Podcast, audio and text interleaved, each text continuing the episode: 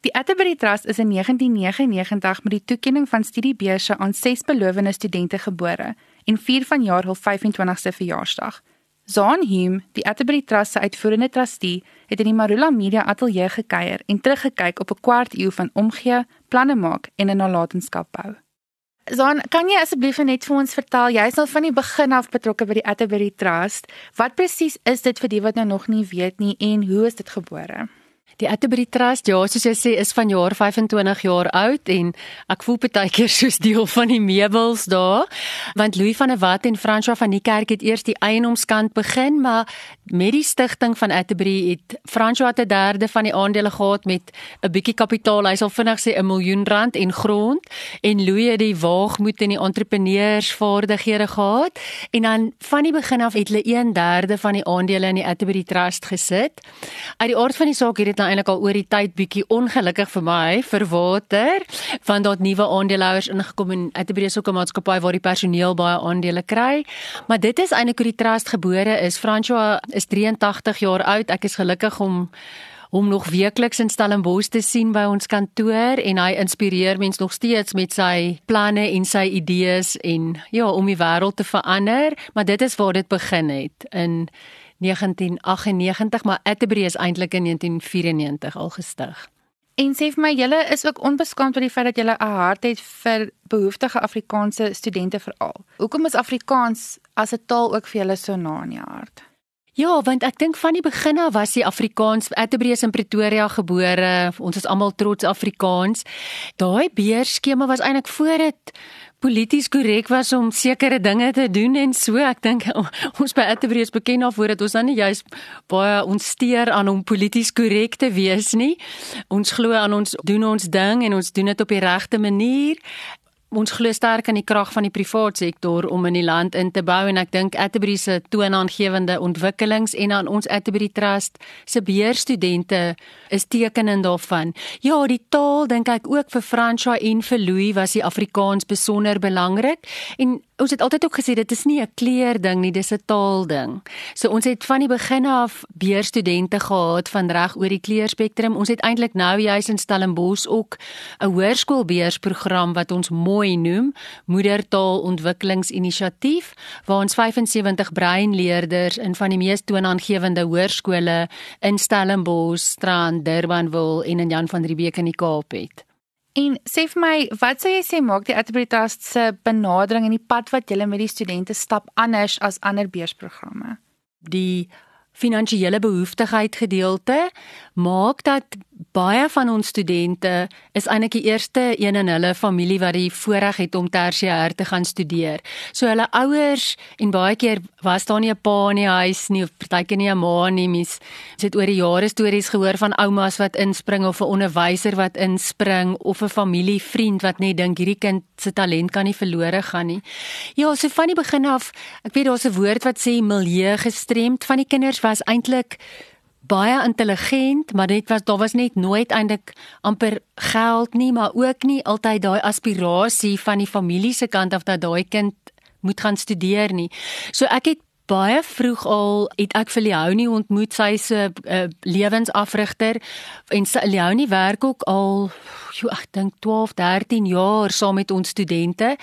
En ek dink dit is ook een van ons suksesresepte. En ek dink wat ons ook van die begin af gedoen het is ons ons glo daaraan om die studente na ons kantoor toe te bring. Want die Atterbury mense wat vir Atterbury werk en ons is lief om te sê dis die Atterbury familie koop ook nogal in in die hele beurs ding. So ons het 'n ongeskrewe reël by Atterbury elke Atterbury personeel het moet ten minste een beursonderhoud elke jaar insit.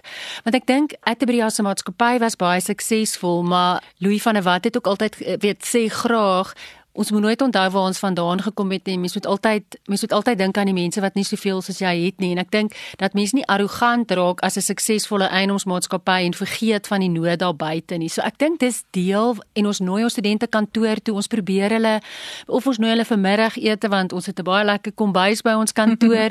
Leonie doen haar lewensafrigter sessies met hulle. Ons het die Atterbury teater wat ook aan die Atterbury Trust behoort waar ons vir die studente vakansiewerk geleenthede skep om ekstra geld te verdien Ons het 'n Atterbury terugploeg kar was waarvan die studente as ons vasbrand kom help hulle. Ons het 'n ander um inisiatief terugploeg waar boere vir ons groente groente skenk. Dis in die Grendeltyd begin en ons het eintlik in die afgelope 3 jaar meer as 500 ton kos uitgedeel. En as ons daar vasbrand, dan druk ons ook op ons studente um se knoppies en ek moet sê hulle spring in en kom help en ek dink al daai inbou die mentorskap van die Atterbury mense Leonie se deel en dan hierdie ekstra werksgeleenthede en blootstelling ook Atterbury se se besigheidsvennote of dit nou argitekte of konstruksiefirmas is in die begin toe daar nou nog min studente was ek sou baie maklik die telefoon optel en een van ons kontrakteurs bel of weet 'n argitek of 'n bourekenaar en sê jy ons het hierdie talentvolle studente hulle moet vakansiewerk doen of hierdie ingenieur moet hierdie Julie vakansie soveel ure insit en en ek moet sê die Atterbury medewerkers het altyd ingespring en gehelp. So ek dink dit is nogal 'n groot groot rede vir ons het 'n 97% deurvloei koers van 800 studente oor 25 jaar waarop ons baie trots is. So daar's eintlik net 3% van studente wat wat uitgeval het en ek bedoel as mens kyk na die nasionale statistieke en NSFAS en alles ek wil nie eers daar gaan nie. Nee. ja, ek was praat net oor die goeie goed. Ag, dis wonderlik en julle vier nou hierdie kwart eeu. Ek weet dit is baie baie moeilik om so vrae te vra, maar as jy nou terugkyk, wat was vir jou van jou groot hoogtepunte geweest? Sjoe, ja, dit is moeilik want daar's soveel en en ek moet sê um, ek het twee seuns van my eie, maar ek voel soos 'n ma van vele. Um, as ek as ek na baie van die studente kyk en kyk waar hulle nou is en ek onthou want aan die begin was ek in elke liewe onderhoud gewees.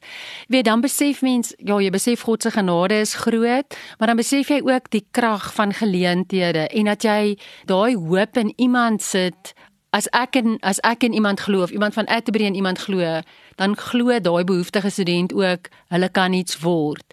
Ja, hoogtepunte is vir my dink ek ja, soos ek sê die studente is vir my so een groot hoogtepunt en dan is toe ons Triomf Kliniek begin het amper 9 jaar terug. Ja, Pool Triomf Kliniek het ook nou al by die 6000 behoeftige pasiënte gratis gehelp sien in Pretoria Wes.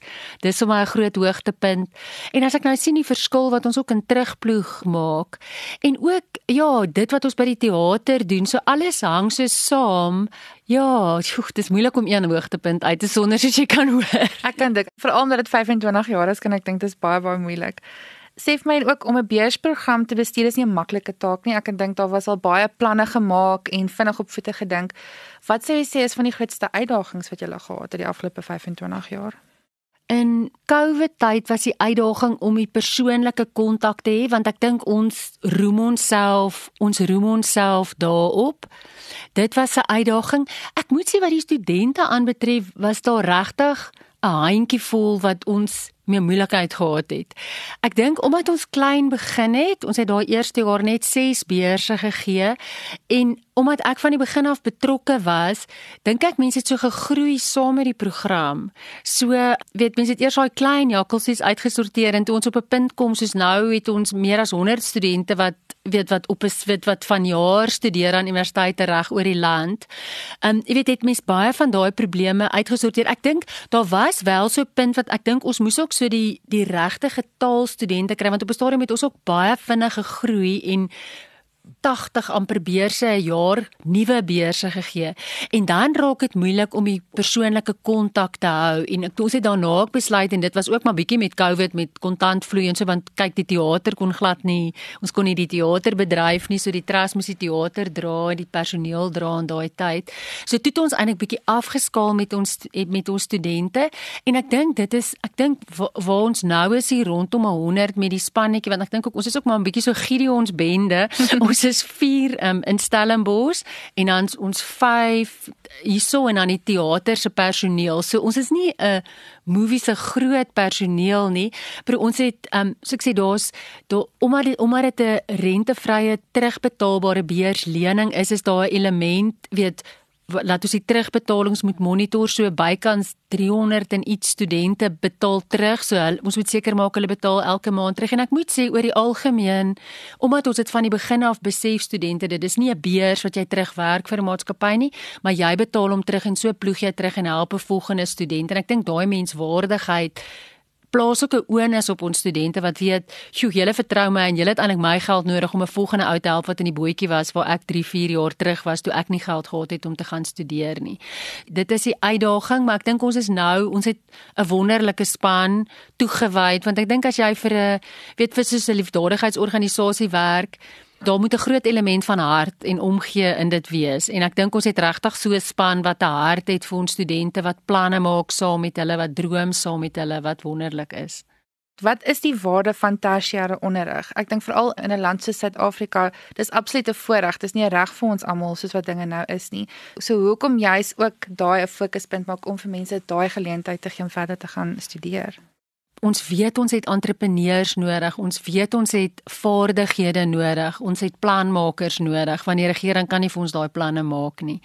Dit is kernbelangrik in ons land, daai hoop wat jy daardeur skep. Maar ek dink ook deel van ons nuwe mooi program nou waar ons spesifiek ook op die brein hoërskool leerders fokus, het eintlik ook daai selfe fokus dat jy amper vroeër intree in gemeenskappe waar die skole disfunksioneel is, waar die gemeenskappe weet daar's gebroke gesinne in 'n groot mate en dan ook die Afrikaans. Fransja wat ook weer betrokke was by Mooi het het het, het ook sterk daaroor gevoel omdat hy van die Parel afkom en 'n groot hart het vir die breinmense en dis die oor grootte meerderheid mense in die Wes-Kaap dat jy breinmense moet aanmoedig bly Afrikaans, gaan in jou moedertaalskool want so het jy die beste kans om by 'n tersiêre instansie uit te kom en ook as jy 'n goeie hoërskoolloopbaan het, is jy ook toegerus om te weet moet ek meer in 'n in 'n vakmanskap rigting ingaan of moet ek in 'n suiwer akademiese rigting ingaan? En sê vir my son as jy nou moet kyk na die volgende 25 jaar van die Atterbury Trust en van al die wonderlike projekte en goed wat nou hieruit gevloei het, wat is jou groot drome of planne nog vir die trust? Ons sal so graag die trust wil skaal. Weet ons het ons het ons het, ons weet ons het 'n suksesvolle model hier in Pretoria opgebou waar Atterbury baie sterk is, waar Atterbury baie sterk ontwikkelings het. Atterbury is al vir so 19 jaar het ons ook 'n kantoor in Stellenbosch aan die Eienoomskant. So ons het nou 'n jaar gelede ook die trust se aktiwiteite sterk na die Wes-Kaap toe uitgebrei. Ek dink daar's groot potensiële donateurs in die Wes-Kaap wat ons van hulle oortollige miljoene wil help verlos om in te bou in ons trust. So ek dink dis deel van my droom dat ons dit sal skaal en uitbrei. Want ek dink in ons land as mense so deur die platte land ry, ek dink baie mense het hoop verloor, maar nie is organisasies in ons land wat wonderlike werk doen om mense te mobiliseer en wat nodig is in ons land is dat mense van oor die spektrums hande vat op die platte land, help met die infrastruktuur, help met die skole. So ek dink dit sal my droom wees dat die trust 'n groter rol speel, want ek dink ons het 'n suksesresep bymekaar gesit as mens mense kan inspireer en as jy projekte in dorpe kan aan die brand steek om ons aktiwiteite verder te skaal of dit nou 'n terugploeg is. Ek bedoel daar's boere uit Letsitele en uit Groblersdal wat vir ons groente Pretoria toe bring, maar ons voel dan wil ons eintlik in Letsitele en Groblersdal 'n verskil maak. Ons kan nie net hulle groente hier in Pretoria uitdeel en nie terugploeg daar nie. Dit sal eintlik my groot droom wees.